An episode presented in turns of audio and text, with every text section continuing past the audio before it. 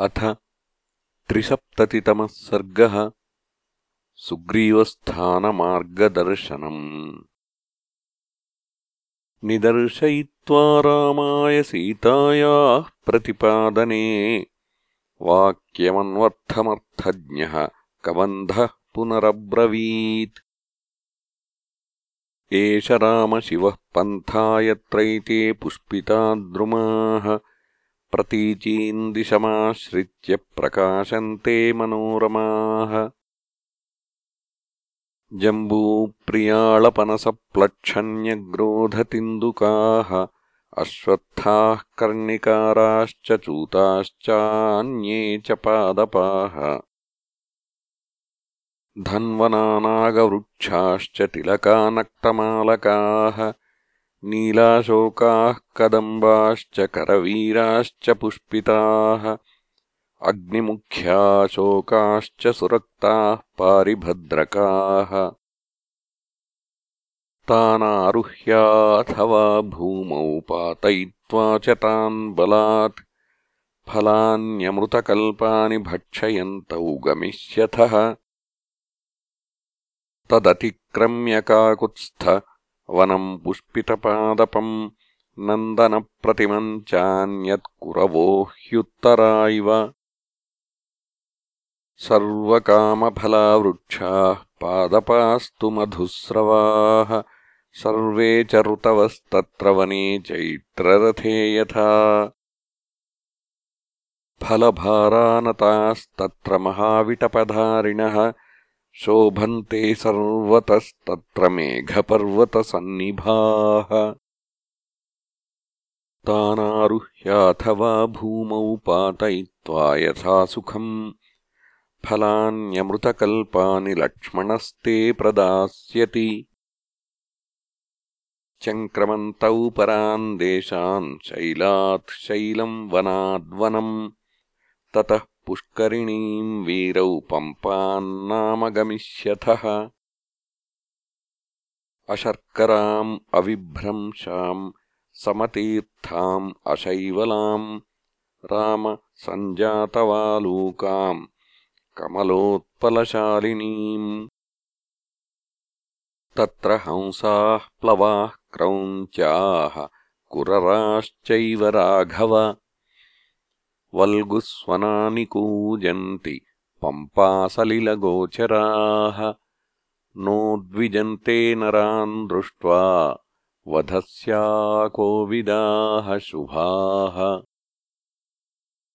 घृतपिण्डोपमान् स्थूलान् तान् द्विजान् भक्षयिष्यथः रोहितान् वक्रतुण्डांश्च नडमीनांश्च राघव पम्पायामिषुभिर्मत्स्यान् तत्र रामवरान् हतान्। निस्त्वक्पक्षान् अयस्तप्तान् अकृशानेककण्टकान् तव भक्त्या समायुक्तो लक्ष्मणः सम्प्रदास्यति। भृशन्ते खादतो मत्स्यान् पम्पायाः पुष्पसञ्चये पद्मगन्धिशिवम् वारि सुखशीतमनामयम्। उद्धृत्य सतताक्लिष्टम् रौप्यस्फाटिकसन्निभम्। असौ पुष्करपर्णेन लक्ष्मणः पाययिष्यति।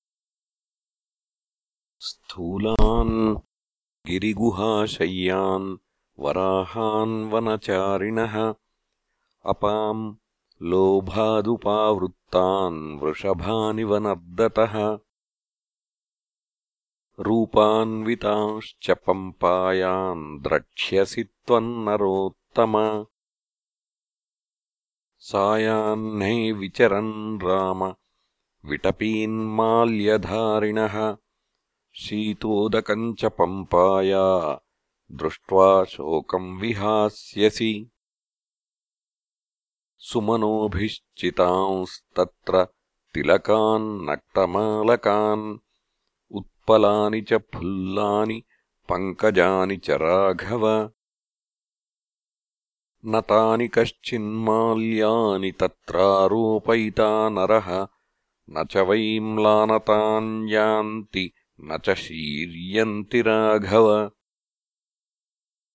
मतङ्गशिष्यास्तत्रासन् ऋषयः सुसमाहिताः तेषाम् भाराभितप्तानाम् वन्यमाहरताम् गुरोः। ये प्रपेतुर्महीम् तूर्णम् शरीरात् स्वेदबिन्दवः। तानि जातानि माल्यानि मुनीनाम् तपसा तदा। स्वेदबिन्दुसमुत्थानि न विनश्यन्ति राघव तेषाम् गतानाम् अद्यापि दृश्यते परिचारिणी। श्रमणी शबरी नाम काकुत्स्थ चिरजीविनी।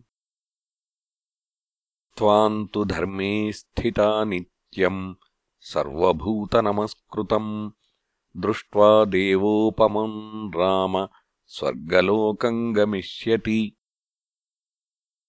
ततस्तद्रामपम्पायाः तीरमाश्रित्य पश्चिमम् आश्रमस्थानमतुलम् गुह्यम् काकुत्स्थ पश्यसि।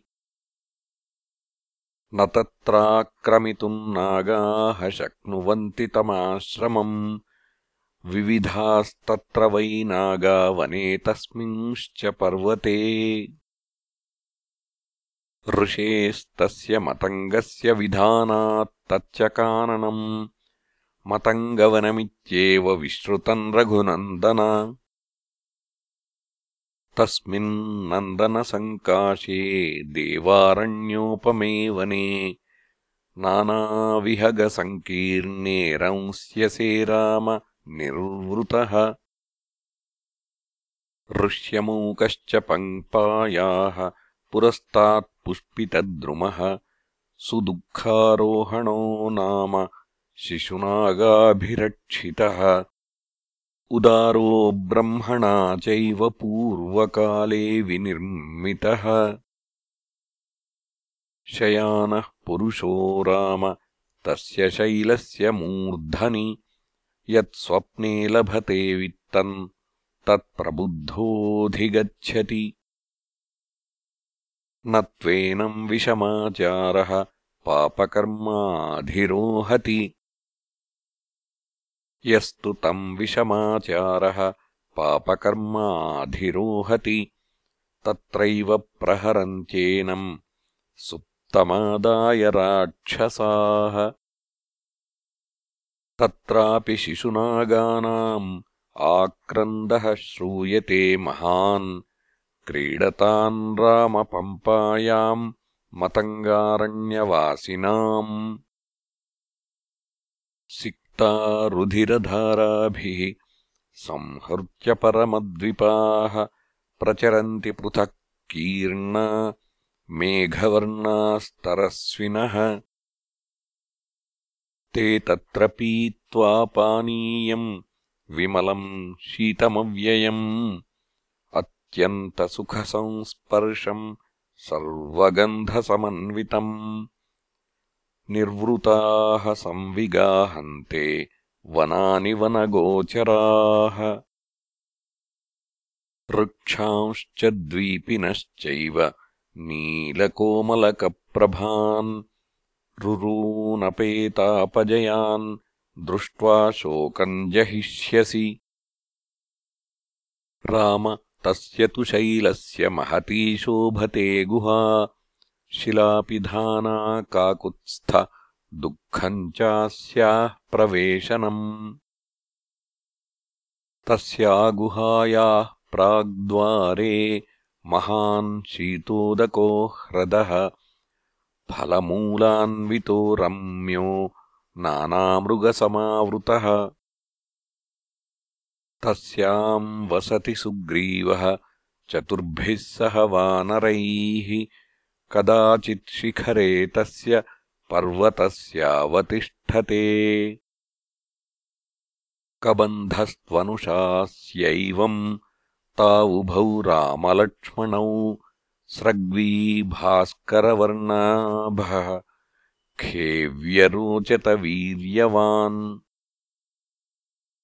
व्यरोचत वीर्यवान् तन्तु खस्थम् महाभागम् कबन्धन् रामलक्ष्मणौ प्रस्थितौ त्वम् व्रजस्वेति वाक्यमूचतुरन्तिके। गम्यताम् कार्यसिद्ध्यर्थम् इति तावब्रवीत् स च सुप्रीतौ तावनुज्ञाप्य कबन्धः प्रस्थितस्तदा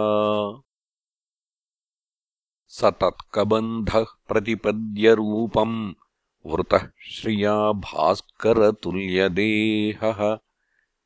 निदर्शयन् रममवेक्ष्य खस्थः। सख्यम् कुरुष्वेति तदाभ्युवाच। इत्यार्षे श्रीमद् रामायणे वाल्मीकीये आदिकाव्ये अरण्यकाण्डे त्रिसप्ततितमः सर्गः